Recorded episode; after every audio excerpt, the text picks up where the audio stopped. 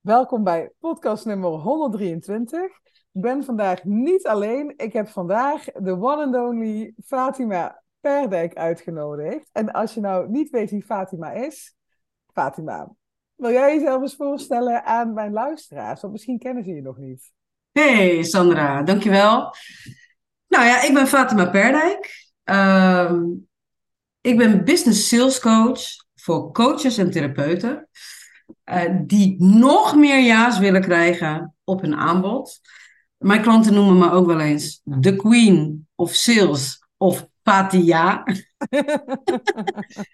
Uh, de afgelopen 22 jaar heb ik bij verschillende grote commerciële en retailbedrijven gewerkt.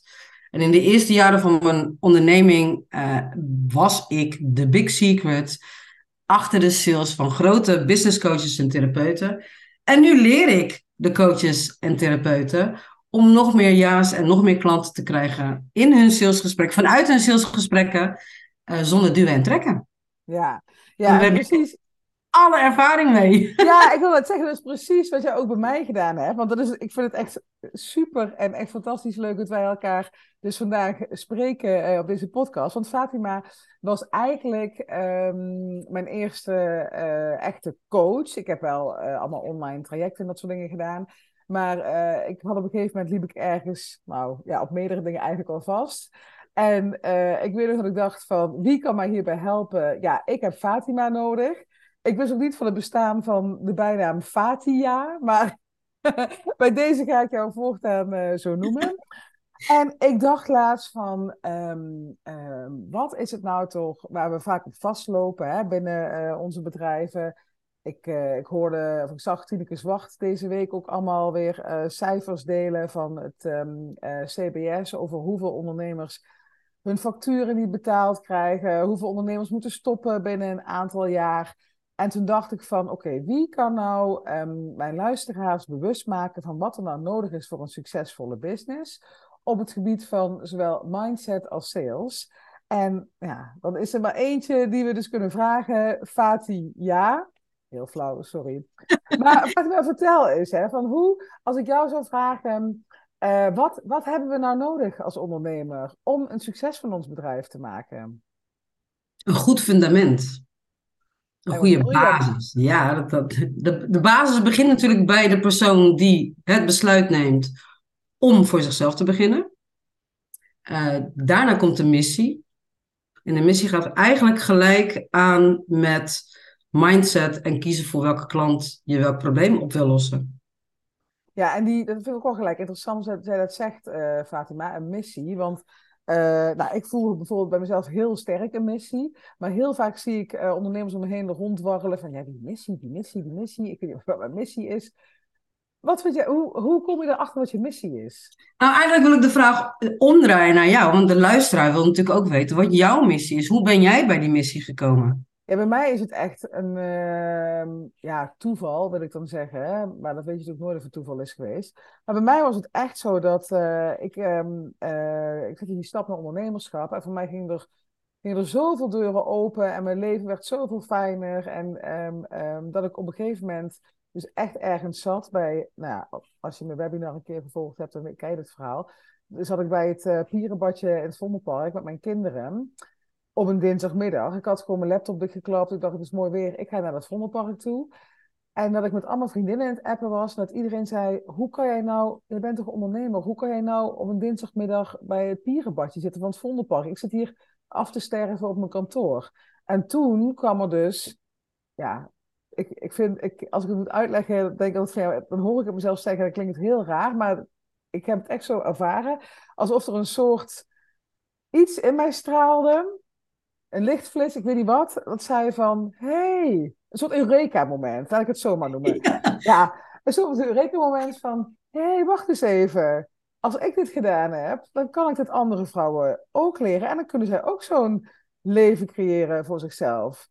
Dus, en daar is, hè, dat zeg ik nu heel kort door de bocht, maar daar is uh, ook wel het een en ander vooraf aangegaan. Dat ik uh, ook wel eens huilend hier in, uh, in, de tuin heb gezeten. Dat ik het echt allemaal niet meer wist van, ja, wat doe ik het eigenlijk voor? Ook omdat ik gewoon niet goed wist, nou, wat, waar, ja, wat doe ik er nou eigenlijk allemaal voor? Dus bij mij is het op die manier gegaan. Maar wat, wat kan jij erover vertellen?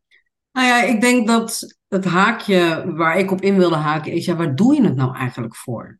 Ja. Voor wie doe je dit? En waarom wil je dit nou zo graag doen? Iedereen begint met, eh, ja, maar hoe en wat? Ja, tuurlijk is dat belangrijk als je voor jezelf begint. Uh, en ik weet dat het een uitgekoud woord is, je why. Waarom doe je wat je doet? Dat, daar zit een diepere laag in. En je weet van mij, ik hou van dat je, hoe dieper je gaat, hoe meer je voelt. Nou, dit, dit, dit is waarom ik het doe. Het is, natuurlijk is het belangrijk om je rekening te vullen, om je rekeningen te kunnen betalen. Hè? Maar er zit ook een bepaalde voldoening in. Waarom doe je dit voor je mensen? En dat zou je missie moeten zijn.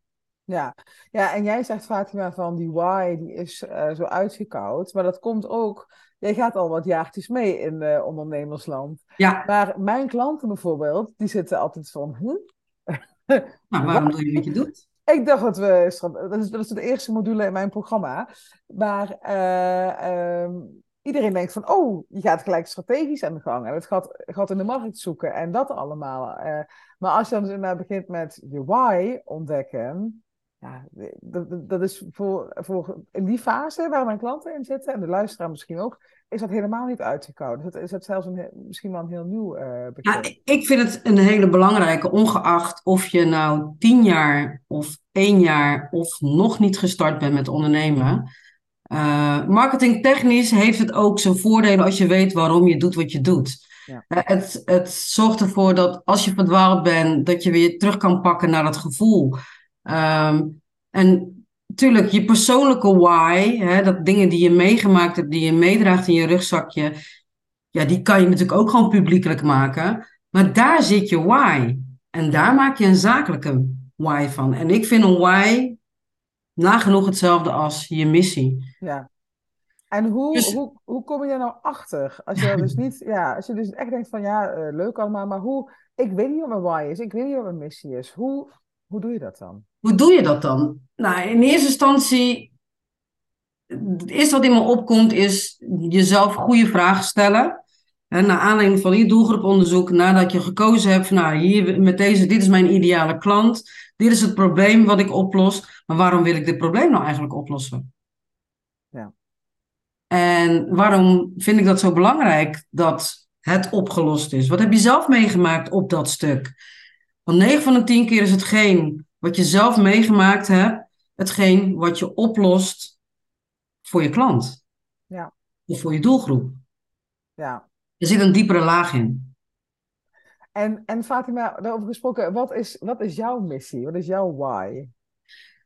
Mijn why. En dan wil je dan uh, uh, mijn why hebben die. Nee, dat is. Dat, nee, nee, dat slaat nergens op wat ik nu zeg. uh, nou, ik weet, het verhaal achter mijn why is dat ik als kind al heel vroeg wist dat ik zuster wilde worden. Ik liep met zakdoekjes rond. Uh, ik wist eigenlijk al heel snel, als iemand binnenkwam, voelde, ik of merkte ik al in die micromomenten van de non-verbale communicatie dat er wat aan de hand was. Ik was echt een pain in the ass als er visite was. Want zakdoekjes, pleisters waren niet aan te slepen. Ik ging naast mensen zitten en ik stelde ze gewoon vragen. Kindelijk nieuwsgierig. Waarom? Waarom? Dus ik wilde mensen beter maken. Maar goed, tijdens mijn puberteit kwam ik er al snel achter dat dat bloederige gebeuren daar in de weg was gelegd. Uh, en nu ik dus inderdaad als salescoach aan de slag ben gegaan. Uh, en bij mij is sales gaat altijd in combinatie met inner work. En inner work is echt gewoon wie ben je in de kern en wat, wat kom je nou hier eigenlijk doen? Ja, mijn why is dat ik mensen thuis wil laten komen in zichzelf en datgene te gaan doen waar ze voor gemaakt zijn. Ja. ja dus ik maak mensen beter. Ja, ja dat, dat herken ik dus ook heel erg van toen ik bij jou in het traject uh, zat. Want ik heb dat verhaal gisteren nog tegen mijn eigen klanten verteld. Dat ik dacht, ik ga eens even fijn een business coach inschakelen. Nou, eh, kom maar door hè, met die strategie. En dan gaan we even een goed plan maken. En dan gaat die omzet omhoog. Dan ga ik meer klanten krijgen. En toen gingen wij in sessie 1. Had jij twee uur gepland. Toen dacht ik al, wat gaan we twee uur doen? nou, daar gingen we hoor. Mijn moeder, de moeder van mijn moeder. Eh, het hele systeem ging in me door. Uh, nou, echt. En uh, ik weet nog wel, echt een beetje stond te wankelen op mijn benen daarna. Hè. Dat echt van, wow, wat hebben we allemaal gedaan? Maar dat was dus allemaal dat inner work, wat, um, ja, wat, wat je dan blijkbaar te doen hebt als ondernemer. En zo grappig dat, want ik heb dus gisteren met mijn klanten gezeten en het zijn allemaal startende ondernemers en zij zaten ook van, wow, het is wel een, een persoonlijke reis, een persoonlijke ontwikkelingsreis. Uh, en blijft dit altijd zo? Hè, die die, die uh, persoonlijke ontwikkeling. En ehm, wat, wat zou jij antwoorden, Fatima? Als iemand aan jou vraagt, ik ga starten als ondernemer, gewoon zoveel op me af, maar ook op persoonlijk gebied. Maar blijft het nou altijd zo? ja. Heel kort. Uh, iedere, ik zeg altijd tegen mijn eigen klanten, iedere level heeft zijn devil. Ja. Um, en kom je af van onzekerheden? Nee, het enige wat je leert is om leren gaan met onzekerheden. Maar je herkent het eerder. Ja. En je ziet de beer, in plaats van dat je de beren op de weg zet, ga je een weg zien te vinden om die beren uiteindelijk langs de kant te zetten. Maar je komt bij ieder stukje, kom je eigenlijk een beetje dezelfde beer tegen. Alleen is die een andere kleur. Ik zeg eigenlijk van, je gaat naar een feestje. Uh, maar het pak wat je toen gekocht had, past niet meer. Dus je gaat op zoek naar het andere, pas, naar het andere pak. Alleen kies hetzelfde pak uit. Alleen in een andere kleur, in een andere maat, in andere, weet ik veel, een andere schoenen. Alles komt terug. Alleen in een ander jasje. Je gaat ook steeds dieper. Het is een ui die je uit, uitpelt. Je komt steeds dichter bij jezelf. Ik vind het heel mooi hoe je dat zegt, Fatima. Want uh, ik zat echt beetje te zoeken naar woorden. Maar hoe je dat uitlegt, dat is wel echt zo. Dat ja, als jij bepaalde shit niet opruimt, dat merk ik zelf gewoon heel erg. Dan krijg je, en niet alleen in, het ondernemerschap, maar ook in het leven. Als je bepaalde dingen niet aangaat, en dan denk je van, oh mooi. En ik, van nature ben ik confrontatie mijnde. Dan denk je, oh mooi, ik heb, het, ik heb het weer kunnen omzeilen baf, komt hij weer in je gezicht. Mag je er weer mee? Krijg je weer een soort uitnodiging van het leven om uh, daarmee om te gaan. Is dat, is dat wat jij bedoelt te zeggen? Ja, ja. Uh, je gaat het één, in het begin overvalt het je. Ja. Wat gebeurt mij nou? Het kan je verlammen. en we zijn als mensen allemaal angstvermijdend, hè? want de, ons brein is gewoon eenmaal gemaakt om gevaar te herkennen en nou ja, of je bevriest of je vecht of je vlucht. Dat ligt maar net aan uh, hoe je zelf bent. Uh, wat je primaire reactie is. Maar je gaat het herkennen. En op het moment dat je je shit opruimt, of eigenlijk zeg ik je shit accepteert ja. en omarmt, en dat klinkt heel vies, maar ja, je, gaat echt, je moet je shit echt gaan omarmen om verder te komen in je leven en daardoor dus ook in je onderneming. Ja, ja, die voel ik helemaal. Ik kan me eh, voorstellen dat voor iemand die nog niet in dat hele persoonlijke ontwikkelingsproces zit, dat hij denkt van, hoezo moet ik shit gaan opruimen om een succesvol bedrijf neer te zetten? Ja, goede vraag. Omdat je jezelf meeneemt in je ondernemerschap. Oh ja, ja. Ja, ja je neemt jezelf mee. Ja. En wat je in je privéleven doet, tussen haakjes, want ik geloof niet in privéleven en zakelijk leven. Je hebt één leven en daarin balanceer je continu tussen je werk en je gezinsleven of je sociale leven. Maar wat je doet in je sociale leven komt terug in je ondernemerschap. Ja.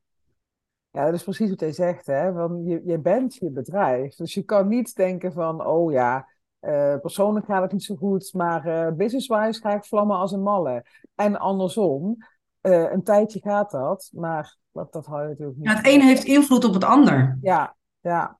Ja, dat zeg ik ook wel eens van, uh, tegen mijn klanten. Van, zorg in de eerste plaats dat je zelf goed in je vel komt te zitten. Want dan gaat het allemaal een stuk makkelijker dan dat je moet gaan, uh, gaan duwen en, uh, en trekken met, met zo'n zo'n bedrijf. Hey, en um, Fatima, wat kom jij nou hè, in, in jouw coachingpraktijk? Wat kom jij nou als, ehm, als grote valkuil tegen, waar we als ondernemers tegenaan lopen? Oeh, een hele goede vraag. Het zijn er waarschijnlijk heel veel. Ja, het zijn er heel veel. Um... Ja, daar moet ik even over nadenken. Het zijn er heel veel. En dan, Oké, mijn doelgroep is natuurlijk wel iets verder dan jouw doelgroep, maar ik kan me Ja. nog wel herinneren dat ehm, de meeste beginnende ondernemers ehm, te snel door, doorpakken naar eh, wat ze gaan doen, in plaats van met wie ze gaan doen. Dus het bepalen van je doelgroep, dat dat eigenlijk het minst favoriete stukje is. Hè, je avatar of je ideale klant schetsen en het doelgroeponderzoek doen. ehm, dat daar, ja, dat kiezen. Ja, Dat, Dat- kiezen. dat is inderdaad ook echt wel een ding. Ik hoorde dat laatst ook. ehm, eh, nou, inmiddels is hij dus overleden, Patrick de Zeeuw, van eh, zo'n eh, start-up organisatie hier in de buurt. En die zei ook van, je hebt geen goed idee nodig, wat, wat heel veel starters ook denken.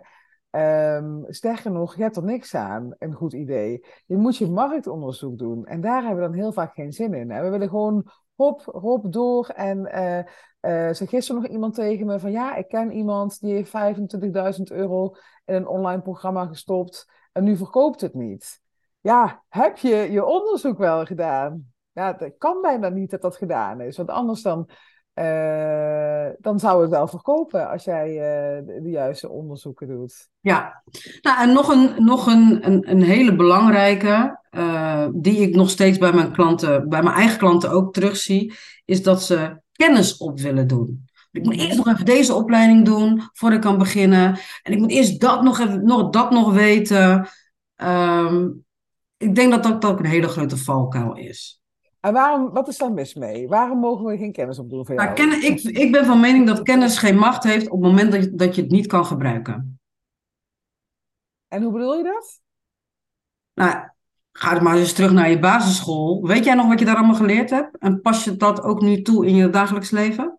Nou, niet bewust in ieder geval. Nee. Nee. Ja, dat geldt eigenlijk. Heel veel mensen, de, de coaching en de therapeuten, die poppen als paddenstoelen uit de grond.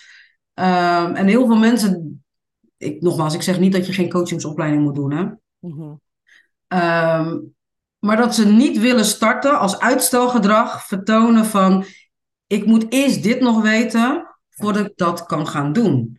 Terwijl als je met de kennis die je nu hebt, de ervaring die je nu hebt, de mensen spreekt die je wil helpen en daarna pas een gespecificeerd of een speciaal, speciale opleiding wil doen, dat je daar veel meer aan hebt. Ja.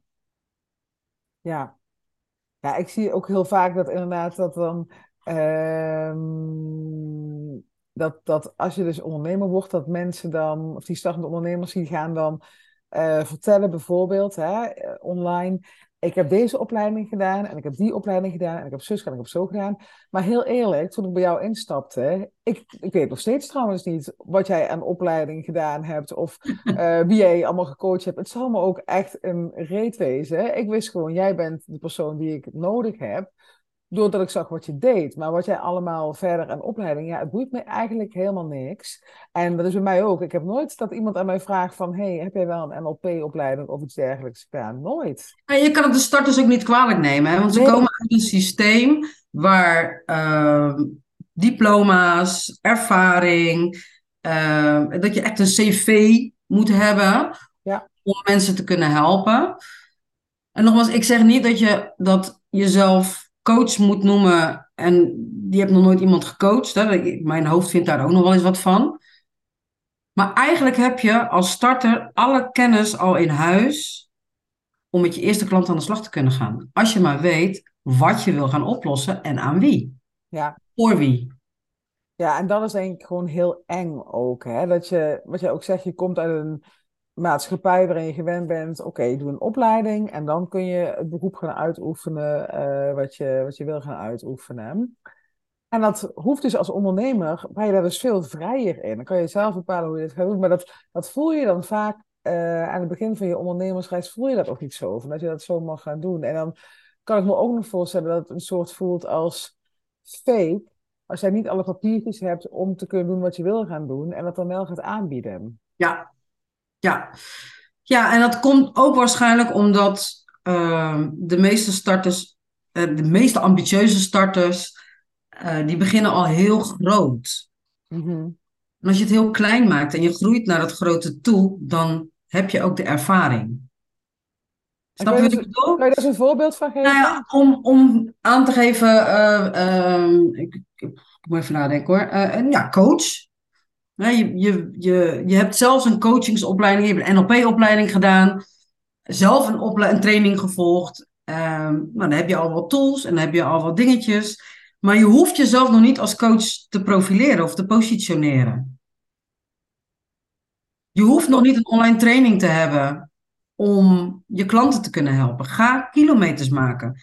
Ga informatie verzamelen over de klanten. Uh, maak, start, begin. Ja. En hoe, hoe zou je dat dan doen? En ik, ik denk dat ik het antwoord al weet, maar ik weet wel dat, uh, dat, dat, dat startende ondernemers denken van ja, maar hoe kan ik nou starten als ik uh, geen website heb en nog en dat allemaal? Hoe kan je dat nou doen, die meters maken dan? Kijk eens in je directe omgeving. Als het goed is, heb je al wat doelgroeponderzoeken gedaan. Pak eens door, doe eens een follow-up. Ik bedoel, dat gaat voor het laaghangend fruit. Hè? Welke mensen heb je al gesproken? En start. Al, al begin je met een proef. Nou, proefkonijn. Met een proef, met een proefsessie. Met een, een, een proefworkshop. Laat mensen kennen en word zichtbaar. Ja. Laat zien uh, wie je bent, wat je doet. Weet wat je boodschap is. Start. Want waarom is dat zo uh, belangrijk in jouw ogen om gelijk zichtbaar te worden? Nou, gelijk zichtbaar. Zichtbaar kan natuurlijk op verschillende manieren. Je hoeft, je hoeft niet gelijk een website te hebben. Uh, maar ga net naar een netwerkbijeenkomst. Ga naar events. Uh, weet, zoek je doelgroep op. Waar is je doelgroep en zoek ze op. Ja. Zijn ze in de supermarkt, ja, al sta je de hele dag in de supermarkt, ga in gesprek met mensen. Want hoe vaker jij je eigen verhaal vertelt, hoe meer, en dan gaan we weer, je, je hoofd is geprogrammeerd om angst te vermijden. Dus als je iets spannend vindt en je hoofd denkt, oh, ga dat doen. Ja. Want je, je comfortzone is nog geen 2 mm verder dan waar je staat. Ja, dat vind ik mooi wat hij zegt, inderdaad. Ja. Ja. Door het te doen, ga je je hoofd terugsaboteren en bevestigen dat het niet spannend is. Ja. En hoe vaak je het doet, hoe meer je vertrouwen gaat krijgen in je, in je kunnen. Ja, en ik geloof ook wel dat je daardoor gaat groeien en ook veel meer aan kan. Dat je, Want je kan ook niet gelijk, hè, van als je start met ondernemen, je kan niet gelijk een miljoenen business gaan draaien. Want dat, dat hoofd is daar nog helemaal niet. Dus door dit soort stappen te nemen, door uit die comfortzone te gaan, kun je ook telkens meer dragen uh, binnen je bedrijf. Ja, zeker, zeker. Ja. En wat ik jou ook nog wilde vragen, Fatima. Um, dat is natuurlijk ook iets waar, uh, waar veel ondernemers tegen aanlopen. We willen graag allemaal lekker een beetje aan de achterkant rommelen. Hè? Gewoon uh, helemaal prutsen aan die website. En uh, nou, hè, uh, 20 posts, een draft hebben staan, maar niet publiceren. Maar um, om een bedrijf te kunnen runnen, zal je toch ook eens een keer je aanbod moeten doen en eens uh, aan je sales moeten gaan zitten. En dat is, dat, was voor mij überhaupt een reden om niet te starten met ondernemen. Uh, maar dat is voor veel ondernemers toch een dingetje. Hè? Van, uh, nou, alles wat bij die business komt kijken, superleuk. Maar die sales. Yep. Hoe gaan we daarmee om in de Fatia-wereld? In de Fatia-wereld? Ehm, nou, ik moet, ik moet gelijk denken aan een van de eerste sales trainingen die ik kreeg. Uh, dat mijn mentor of mijn coach mij dat vertelde. En toen werkte ik in de retailwereld, in, bij een retailbedrijf. En die zei: Fatima, sales is een feestje. Nou, dan begon ik even. en dat krijg ik ook wel echt. uh, maar het is echt zo. Als jij sales ziet als een, het organiseren van je feestje, dat begint met de lijst genodigden. Nou, dat is een mooie metafoor voor je doelgroep. Oh, dat is al heel... Oh, ik, I love it. Ik ga deze tip toepassen. Dus niet meer van wie zijn mijn leads en zo, maar wie zijn de genodigden voor mijn feestje? Wie wil Ja. jij op je feestje hebben? I love it. En wat willen die gasten eten en drinken? Ja. Eh, welke slingers horen bij dat thema wat jij als feestje geeft? En het feestje begint pas op het moment dat de uitnodiging, dat je ja krijgt op je uitnodiging. En je uitnodiging is je aanbod. Ja, dit is echt... Dit, dit is, dit is goud waard. Ja. That's it.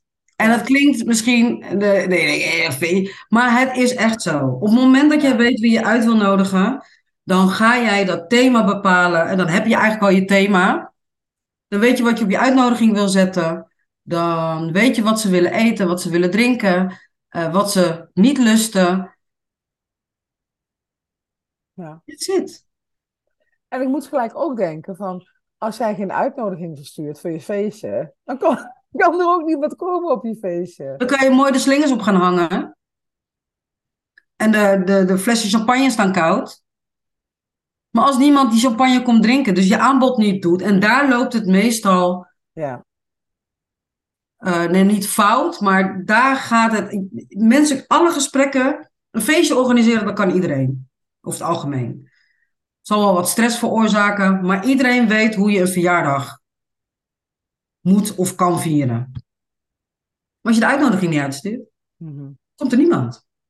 Dus als jij een salesgesprek hebt, en dat wil niet zeggen dat je in dat salesgesprek alle slingers op moet hangen en eh, de kerstboom op moet duigen. Nee, je weet wel wat je in dat gesprek, je gaat vragen stellen. Maar als jij je aanbod niet doet, heb jij geen salesgesprek. Nee. Is er geen feestje.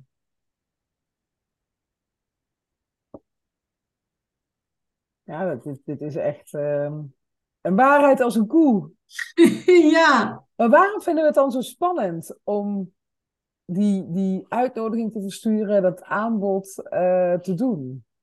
Nou, dat heeft, dat, ik, vind, ik vind zelf dat het met meerdere factoren te maken heeft. En het heeft ook met meerdere factoren te maken. Eh, als je niet weet wie je uit wil nodigen. eh, of je hebt niet je ideale feestgangers. Dan ga je mensen uitnodigen die je eigenlijk helemaal niet op je feestje wil hebben. Dus hoe goed ken jij je gasten? Daar begint het mee. Als je je gasten niet goed kent, eh, dan kan je ook niet de uitnodiging. Of tenminste, dan krijg je mensen op je feestje waarvan je denkt, hmm, dan je ze iets te eten waar, wat ze niet lekker vinden. Ehm, dus ken je doelgroep. Weet wie je uit wil nodigen. Eh, weet wat je aan wil bieden. Weet ook wat de waarde is. Eh, waar lag, dat mensen ook onvoorbereid een feestje geven, dus onvoorbereid het gesprek aangaan. Ehm, maar ook niet de juiste vragen stellen. Wat, wat, is, wat is nou een goede vraag om te En stellen? wat is een goede vraag? Ja, een, go- een goede vraag begint eigenlijk al bij het begin. Wie zit er tegenover me? Ja. Wat heeft hij nodig? Waarom is hij nou eigenlijk bij mij? Hoe is hij bij mij terechtgekomen? Wat wil hij uit het gesprek halen?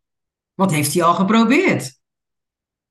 Ik krijg zoveel flashbacks, Fatima. Dat, en het is volgens mij al twee jaar geleden, toch? Dat wij dit samen deden. Ja, toen weet ik nog dat jij tegen mij... eh, toen had ik ook... Ja, dat is ook grappig omdat als je daar dan op terugkijkt. Hè, dat je dan denkt van... Oh, in welke fase zat ik toen?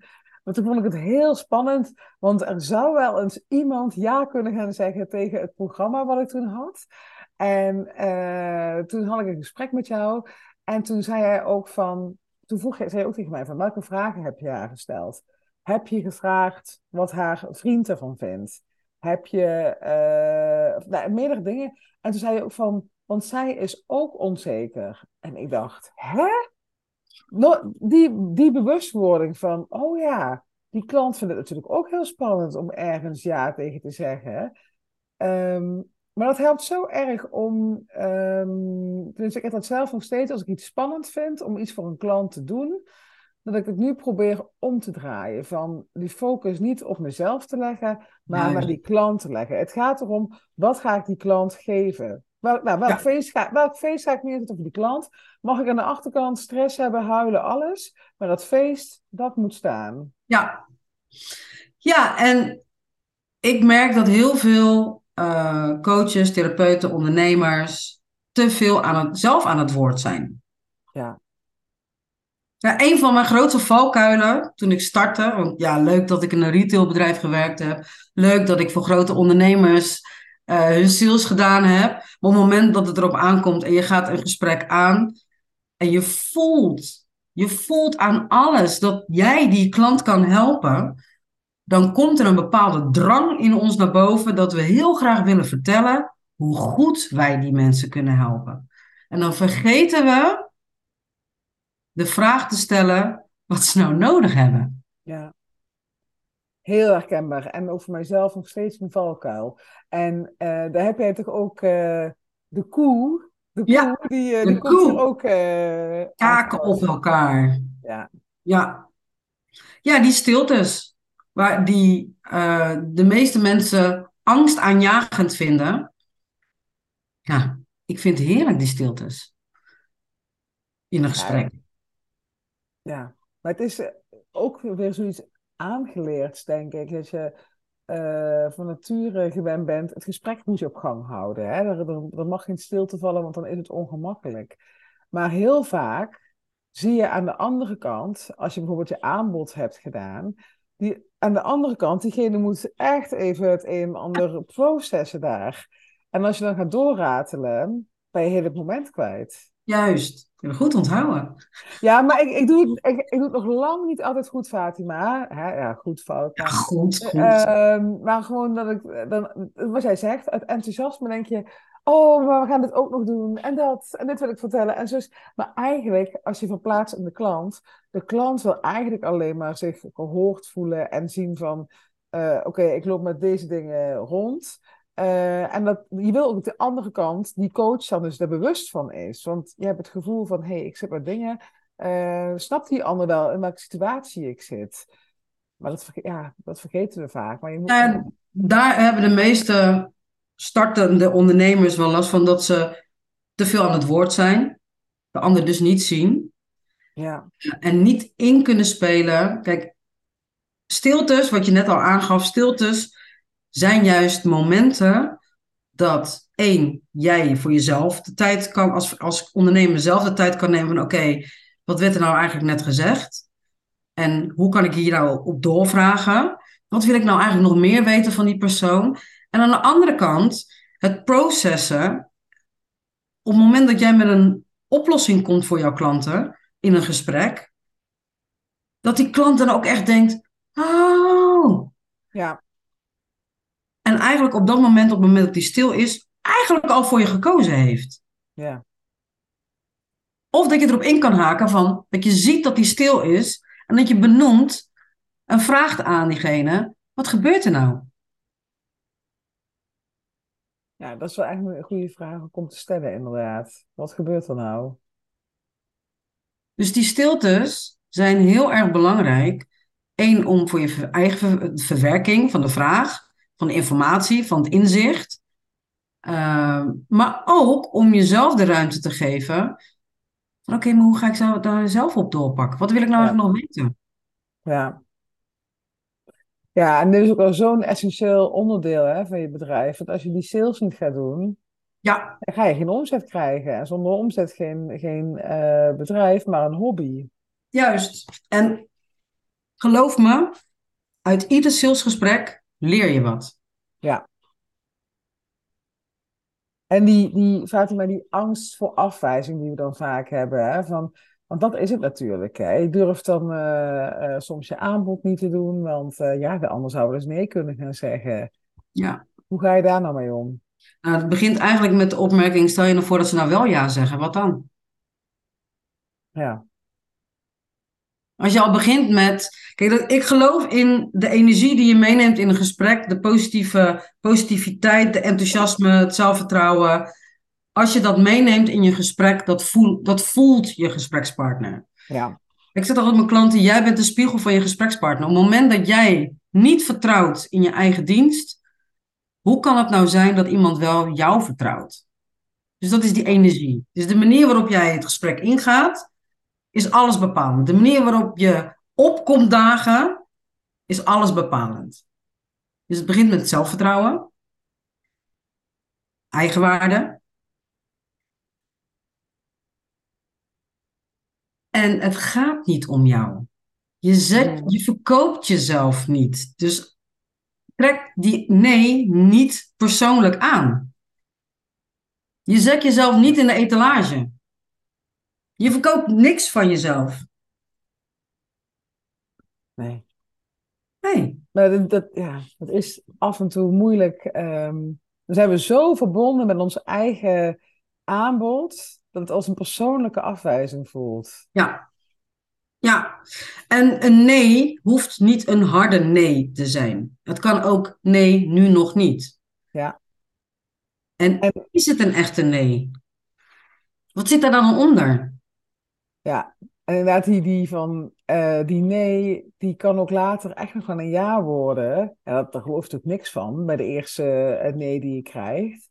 Maar ik kan uit ervaring zeggen dat het heel vaak, nou, heel vaak, het gebeurt heel regelmatig dat inderdaad iemand op dat moment dat of de pijn nog niet groot genoeg is, of het verlangen niet groot genoeg is, of dat er geen headspace is in het hoofd van die persoon, maar dat er op een later moment dat ze zelf weer eh, bij je aankomen. En je kan ook zelf natuurlijk ook nog wel eens een keer een eh, follow-upje doen. Van hé, hey, we hebben Zeker. elkaar eh, drie maanden geleden gesproken. Ehm, ik zou dat niet. Nou, dat vind ik wel een goede vraag om aan jou te stellen, Fatima. Stel je voor, hè, je hebt dus inderdaad ehm, een, een gast voor je feestje, zo noem ik het Mhm. even. En nou, diegene, je hebt een salesgesprek gehad en diegene zegt van, nou nee, ehm, dit is niet het juiste moment, of maakt niet uit welke reden. En drie maanden later of zo denk je, hé, hey, ik, eh, ik wil, eh, nou, ik maar even Saskia, ik wil Saskia nog een keertje eh, opvolgen. Eh, wat ga je dan zeggen? Want je wil misschien niet gelijk wel zeggen van, hé, hey, heb je er over mijn aanbod nagedacht? Wat, hoe kan je met een, een lead het contact aanhouden? Nee, niet een lead, een gast voor je feestje. Hoe kan je daar het contact mee onderhouden eh, nadat je dus eh, een nee hebt gekregen van diegene? Ja, nou, ik zit nu te denken aan het feestje. Na het feestje zou ik, eh, als, als ik echt, inderdaad echt een feestje zou geven eh, en ik krijg een nee ehm, op een uitnodiging. En dan heb ik het over de uitnodiging, over het aanbod. Ja, ik, er gaat natuurlijk van alles en nog wat door mijn hoofd heen. En dat zie je natuurlijk wel. Hoor. Ik heb Ja, allerlei. Ik denk, oké, ik moet alle nu. processen, ja. Alle, alles wordt geprocessed en hoe, hoe zou ik dat aanpakken? Nou, ik zou na het, na de, nadat ik het aanbod gedaan en ik heb een nee, zou ik in het gesprek nog wat dieper willen gaan op die nee. Als er echt een nee is, soms zeg ik ook wel van, joh, weet je, ga er maar over nadenken. Ehm, ik bel je morgen of overmorgen, of ik app je. En dan doe ik inderdaad een dag daarna of twee dagen daarna een appje sturen. Van, hey, hoi, hoe voel je je nu? Ehm, als het echt een harde nee is, dan hou ik contact om één keer in de zoveel tijd even op te poppen via de app.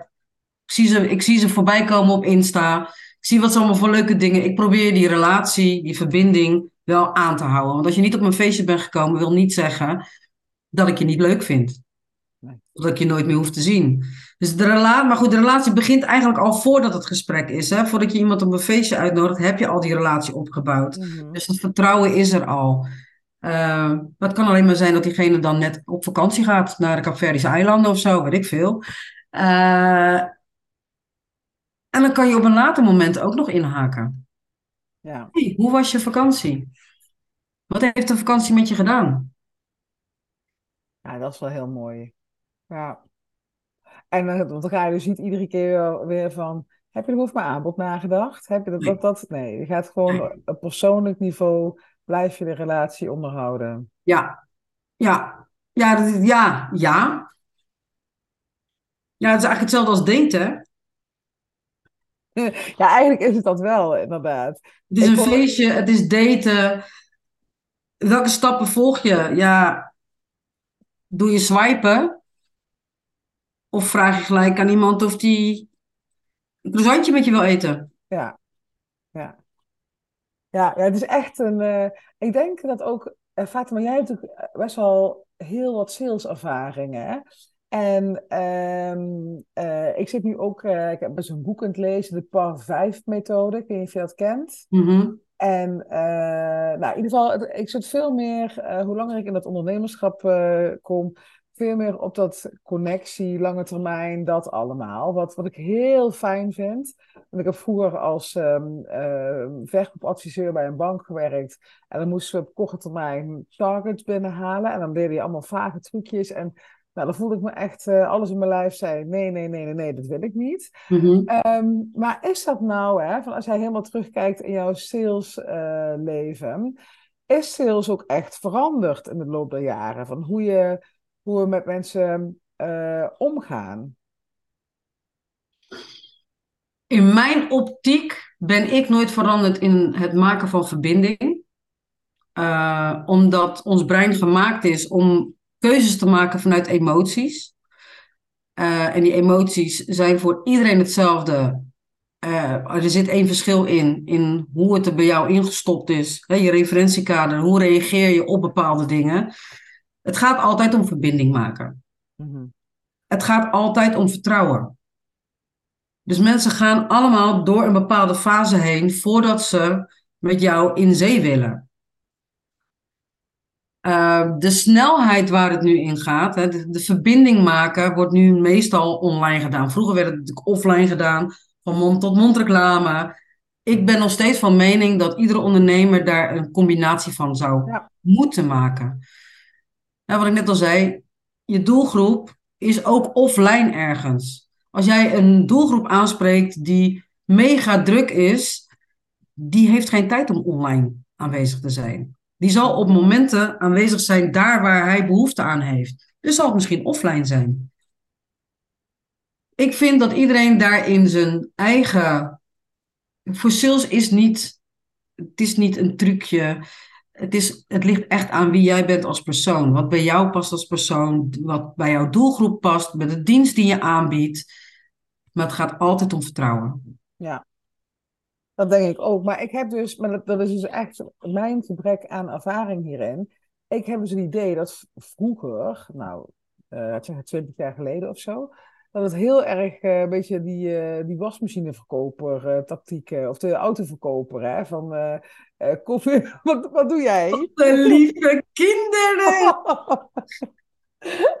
ja, als je, als je onder de uh, 25 bent en je luistert deze podcast, dan ken je dit waarschijnlijk niet. Nee. Maar dat was echt een vreselijke reclame met een autoverkoper die, uh, met een bakje koffie en uh, de lieve kind. Nou, het is echt helemaal ingestudeerd naar dat dus. Hè? Ja. Dat idee heb ik dus dat vroeger, maar dat kan dus ook zijn omdat ik er dus te weinig ervaring in heb.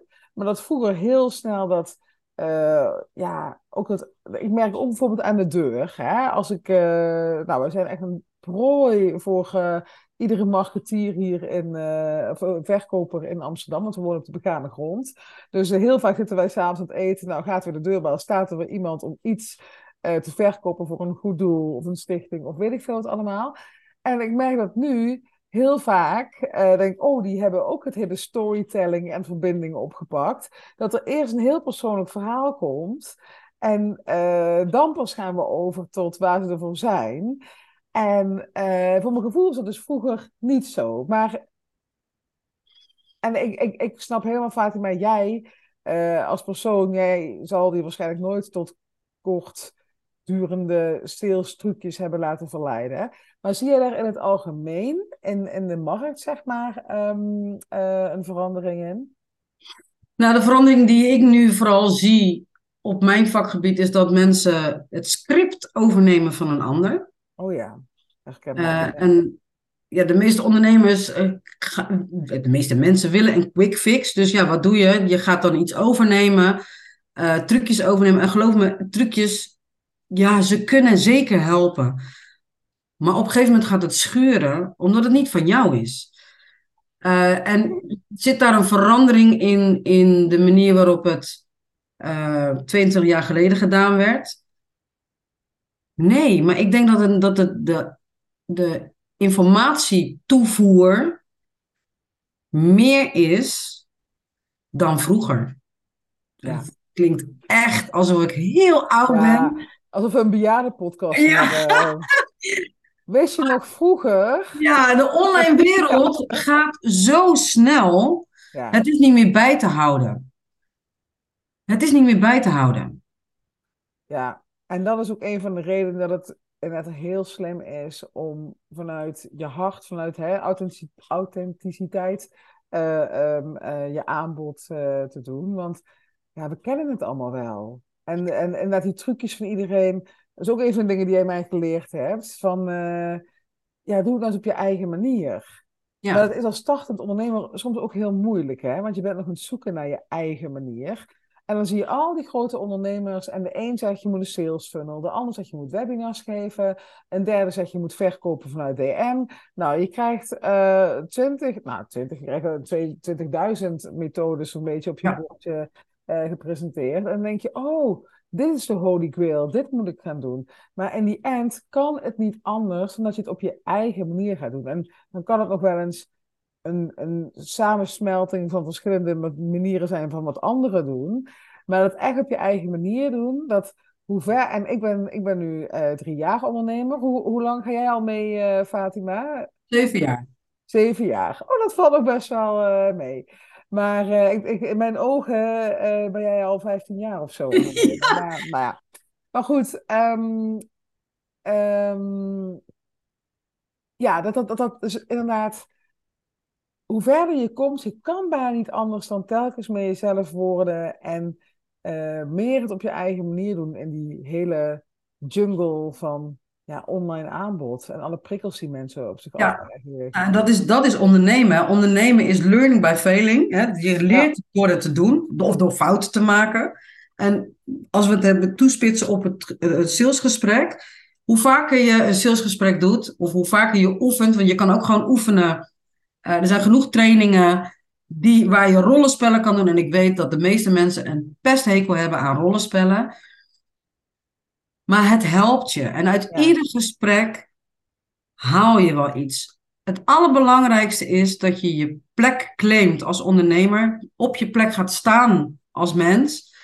Uh, en je eigen verhaal helder hebt. Ja. Ja, dat is het. Ja, niet meer en niet minder. Ja. Want ja, iedereen kan verkopen. Ja. Ik weet niet of jouw doelgroep, uh, dat zijn, het zijn vrouwen, hè? Ja. het algemeen. Dat ze de leeftijd hebben dat ze kinderen hebben. Ja. Uh, ik denk dat iedere moeder wel eens de struggle heeft dat ze wilt dat het kind haar bord leeg eet. Ja. Dan doe je er ook alles aan om je kind te overtuigen om dat bord leeg te eten. Ja, een soort salesgesprek.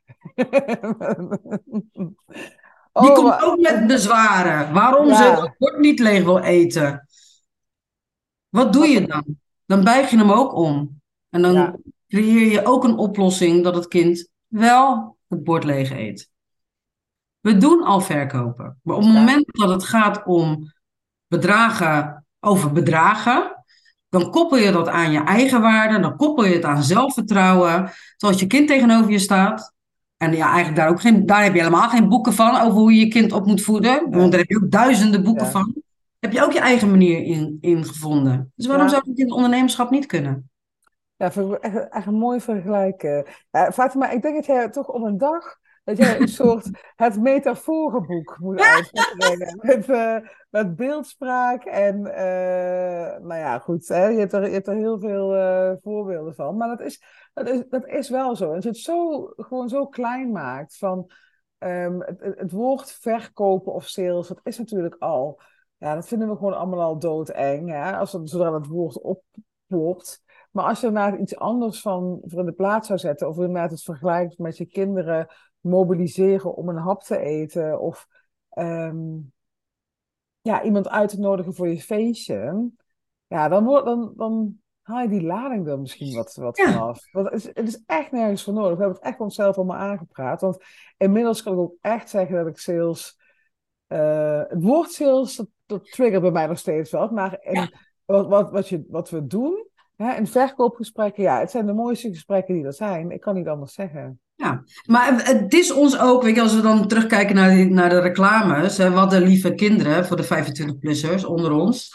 Ehm, het wordt ook, het is sales, verkopen, sales tijger. Nou, dat Ja, wordt een oh. sales tijger. Dat prooi helemaal moet en dan moet bespringen. En het wordt ook vies gemaakt.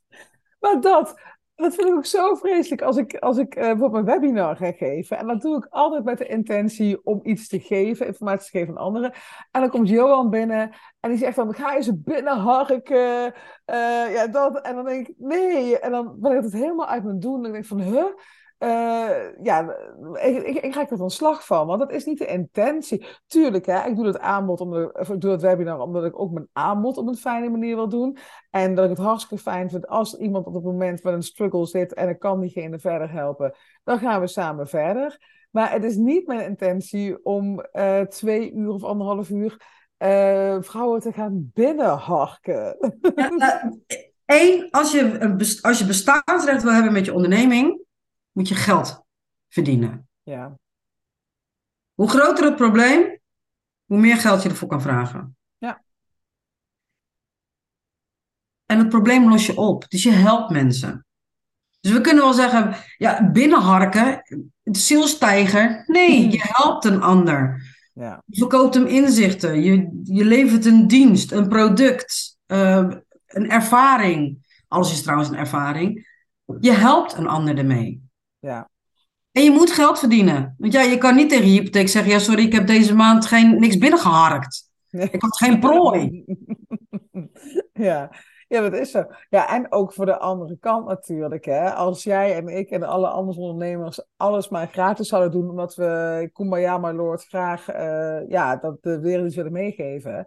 Ja, dan nemen mensen ons ook niet zo serieus. En gaan ze ook niet met onze eh, ideeën, plannen, adviezen aan de slag. Want ze denken, ja, laat maar waaien. Die, die Ja. doen toch gewoon... eh, ja, Ja, het is, het verkopen heeft te maken met eigenwaarde. Hè? Wat ik, tegen me, wat ik merk in mijn, in mijn training en in mijn coaching, is dat heel veel mensen het geld koppelen aan de waarde die ze op persoonlijke waarde. Hè? Dus eh, vragen ze 1000 euro voor een maand en ze zeggen nee, ja, dan ben ik het dan wel waard. Je, bent- lieve schat, je bent meer dan 1000 euro in een maand waard. Ehm, en dan heb ik even kwijt wat ik nou eigenlijk wilde zeggen. Ehm, en als je het gratis doet, tuurlijk, weet je, het is echt niet erg als je een business buddy hebt en de een doet wat voor een ander. In het begin is het ook lekker om te kunnen oefenen. Ja. Prima. Maar als je een dienst levert en je gaat gratis iemand helpen, ja, dan ben je diep van eigen portemonnee. Ga dan, dan is het je hobby, dan is het niet je werk. Ja, ja. Dus, en iemand gratis iets aanbieden, dat willen ze dan niet. Dan zeggen ze nee, dat wil ik niet. Maar echt geld voor vragen, dat durven ze ook niet. Ja, wat wil je dan? Ja. Ja, ja, wat wil je dan inderdaad? Ja, ja, het is, Je moet kiezen. ja. Ja, en het is jammer voor degene die, nee, voor, voor de luisteraar, dat je niet kan zien wat Fatima nu achter zich eh, heeft hangen. Het is een heel groot eh, eh, whiteboard, en, eh, of nee, hoe heet zo'n ding? Een flip-over heet het, toch? Ja, en daar staat ook van, eh, als je, als je kiest, word je gekozen, uitroepteken. Ja. En dat is zo. En die boodschap, die, die ga je misschien nog heel vaak horen als startend ondernemer. Ehm, en je gaat hem denk ik ook telkens meer voelen. Want als je één keer merkt van, hé, hey, ik heb nu een keuze gemaakt en ik trek daardoor klanten vanzelf aan, dan durf je daar ook op te vertrouwen. Maar in het begin is het natuurlijk heel eng om te kiezen. Als, Ja, eh, alles is een keuze. alle- je moet ja. iedere dag kiezen. Net als dat je iedere dag kiest voor je partner, iedere dag kiest om te eten. Kies je ook iedere dag om mensen te helpen en daar geld voor te vragen. Ja. Alles Ja, begint met besluit. Ik merk dat we, we zouden nog een dag kunnen verdoor eh, praten over dit, dit, dit mega fascinerende onderwerp. Hè? eh, marketing, sales, mindset, alles wat daarmee te maken heeft. Eh, nou, wie weet, eh gooi ooit nog een keer een eh, nummer twee, eh, een vervolg, of misschien kunnen we zelfs een trilogie van maken. Maar ik denk voor nu, Fatima, dat, ehm, ehm, dat we een beetje naar de afronding moeten gaan. En, oh ja, ik wil jou nog vragen. Want jij hebt, voor mijn luisteraars, heb jij, om in de feeststemming te blijven, heb jij ook een klein cadeautje. Een klein cadeautje. ja, dat vertellen? Ja. ja, dat klopt. Uh, en dat cadeautje begint, en dat cadeautje heeft te maken met wat ga jij op de uitnodiging zetten om mensen uit te nodigen om met jou in gesprek te komen? Of wat, hoe ga jij iemand mondeling uitnodigen om met jou om het gesprek aan te gaan? De meeste ondernemers lopen vast op de vraag: wat doe jij nou eigenlijk? Ja. Oh, dat vond ik een ramp in het begin. Ja. Drama. Ik heb soms nog steeds dat ik denk, oké, ja, wat doe ik? Doe ik eigenlijk? Wat doe ik nou eigenlijk? Uh, je pitch. Ik heb daar een werkboek van gemaakt. Het is een online, uh, ja, eigenlijk is het een mini-masterclass. Uh, mensen downloaden het werkboek. Daar staan drie vragen in. Als je die drie vragen beantwoordt, heb je eigenlijk je verkoopverhaal al. Heb je je pitch. met dat verhaal kan je uh, je bio aanpassen op je LinkedIn of op je social media kanalen. Uh, kan je al mooi content schrijven? Heb je contentonderwerpen om over te schrijven naar je doelgroep? Maar vooral dat je in gesprek kan komen met mensen. Ja. Dus als tante Annie jou belt en vraagt: wat doe je nou eigenlijk? Zou je dat eigenlijk in één riedeltje kunnen benoemen. Ja, ja, en die, die gaan we dus, uh, die link naar het werkboek ga ik in de show notes zetten. Dus dat zijn die, uh, dus de omschrijving van de podcast. Vind je een linkje, dan kun je op aanmelden en dan krijg je het werkboek van Fatima in je inbox. En dan kan je daar kan je eens mee, kan je eens echt mee aan de slag gaan. Als je ook uh, uh, volgens mij heb ik het zelf ook een keer gedaan, jouw werkboek. Maar het, is het helpt je ook bij het hele keuzeproces, toch? Van, uh, ja. ja. ja, Dus nou, als je echt stappen wilt zetten met je bedrijf, doe dat even. Nou, even zeg ik, neem er even goed de tijd voor, maar meld je even snel aan. Dan krijg je dat, uh, dat werkboek binnen. En Fatima, ben ik verder nog iets vergeten te vragen of iets waarvan je denkt, dit moet de luisteraar weten, dit moet ik de wereld inslingeren. give it away. Wil ik wat? Hm. Nou, eigenlijk, ik wil dat de mensen uh, een feestje maken van het ondernemerschap. En niet een feestje dat je inderdaad gewoon stomdronken achter je laptop gaat zitten. Maar kom in gesprek met je klanten. Ga het feestje bouwen. Bepaal welk feestje je wil geven. Uh, en dan krijg je alleen maar leuke, enthousiaste ondernemers van die anderen willen helpen. Ja, ja supermooi. Ik denk dat dat een, uh, een mooie is om af te sluiten. Hè? Het, het hele ondernemerschap. Gisteren zei ook iemand tegen mij: Ja, Sandra, jij uh, praat soms over ondernemerschap alsof het een soort religie is. alsof ik een soort zendeling ben. Maar het is ook echt oprecht. Ik vind het ondernemerschap is zo mooi. En het, het geeft je zoveel mogelijkheden. Het leert je uh, zoveel over jezelf ontdekken. Nou, ik, ik, kan, nou, ik kan hier echt uh, uh, nog een uur over doorgaan. Maar inderdaad, als je het gewoon gaat zien als een feestje en niet als moeilijk en zwaar, maar gewoon inderdaad, ik heb een bedrijf, ik, ik ga een feest organiseren en dan ga ik mensen voor uitnodigen. En als je het echt zo, zo gaat zien, dat, dat, dat gaat je zo van, oh, dan, gaat het, dan komt een Eureka-moment. Ja, een van de belangrijkste dingen waar ik echt wat, wat aan had, is even los van jou als coach, hè, als je begint als ondernemer, omring je met mensen die jou verder willen brengen. Ja. En niet alleen een coach, maar ook dat gelijkgestemde. Ik weet dat jij in je programma uh, in groepsverband werkt, hè, dat je dus meerdere keren lijfdagen geeft.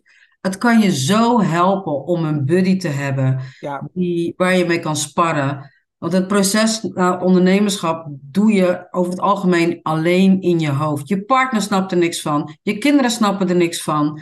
Opa en oma weten al helemaal niet wat je aan het doen bent. Dus omring je met mensen waar je door kan groeien. Ja, ja ik denk zelfs dat het, het is niet mogelijk om het zonder iemand te doen. Ik, ik, zou, ik ken niemand, ja, dat zou ook heel raar zijn als ik iemand zou kennen die het alleen zou doen, want dan, dan moet diegene het niet alleen. Maar Um, je kan bijna niet, als jij je blijft omringen met uh, mensen die in loondienst zitten en die die stappen die jij allemaal gaat zetten, uh, niet durven te zetten, Ja, daar word je klein door gehouden. Ja. Je hebt inderdaad die ondernemers nodig. En ik heb deze week weer, uh, het was even stil in mijn buddygroep. We gingen allemaal lekker. Maar ja, we komen aan het einde van het jaar en iedereen begint te reflecteren. En uh, hoeveel omzet heb ik nou dit jaar gedraaid? En wat gaan we uh, volgend jaar nou doen? En de doelen. En nou, die app ontplofte weer. En met huilberichten, lachberichten, alles erop en eraan. Um, maar je hebt, je hebt dat echt nodig. Ja. En ik, ik heb ook met, bijvoorbeeld met mijn vrienden, uh, ik deel alles en nog wat met ze, maar over een bedrijf vind ik echt, ga, dan, dan moet ik echt uh, er even voor gaan zitten om allemaal uit te gaan leggen. En ja, met een Ja. buddy ben je gelijk op hetzelfde niveau, hup, je weet waar je mee, allebei mee bezig bent en dat, uh, dat helpt je gewoon zoveel verder. Zeker. En durf inderdaad de hulp te, vra- te vragen. Want zelf doen, Ja, ja, kan je heel even, heel even helpen. Eh, en sommige dingen moet je ook zelf doen. Maar een coach, een buddy, eh, een, een, een community waar je in zit. eh, je, je helpt een ander dragen. Je, je helpt een ander zich gedragen te voelen. En tegelijkertijd word je zelf ook gedragen. ja, ja, zo is het. Amen, zou ik Amen. Ja. Nee, Fatima, zonder grappig rollen. Ik, vind het, ik vond het wel superleuk om, eh, om jou gesproken te hebben. Ik zou bijna willen zeggen, stuur de factuur maar op. Want, Ja, eh, mini-coaching. ja, nee, dus eh, ik, denk dat het heel eh, helpvol, hoe noem je dat? Helpend is voor luisteraars van hoe bouw je nou een goed bedrijf en hoe doe je dat nou hè, op het gebied van mindset, marketing, sales, noem het allemaal maar op. Dus ik, ik wil jou onwijs bedanken, Fatima, voor, voor al jouw heldere inzicht. En ik denk het belangrijkste om mee te geven is, maak er een feestje van. Zeker. Jij bedankt voor de uitnodiging. Ik vond het ook een feestje om hier te zitten. En leuk om jou op deze manier weer eh, na twee jaar te spreken. Ja, leuk hè? Nou, jij bedankt voor het luisteren en eh, tot de volgende podcast.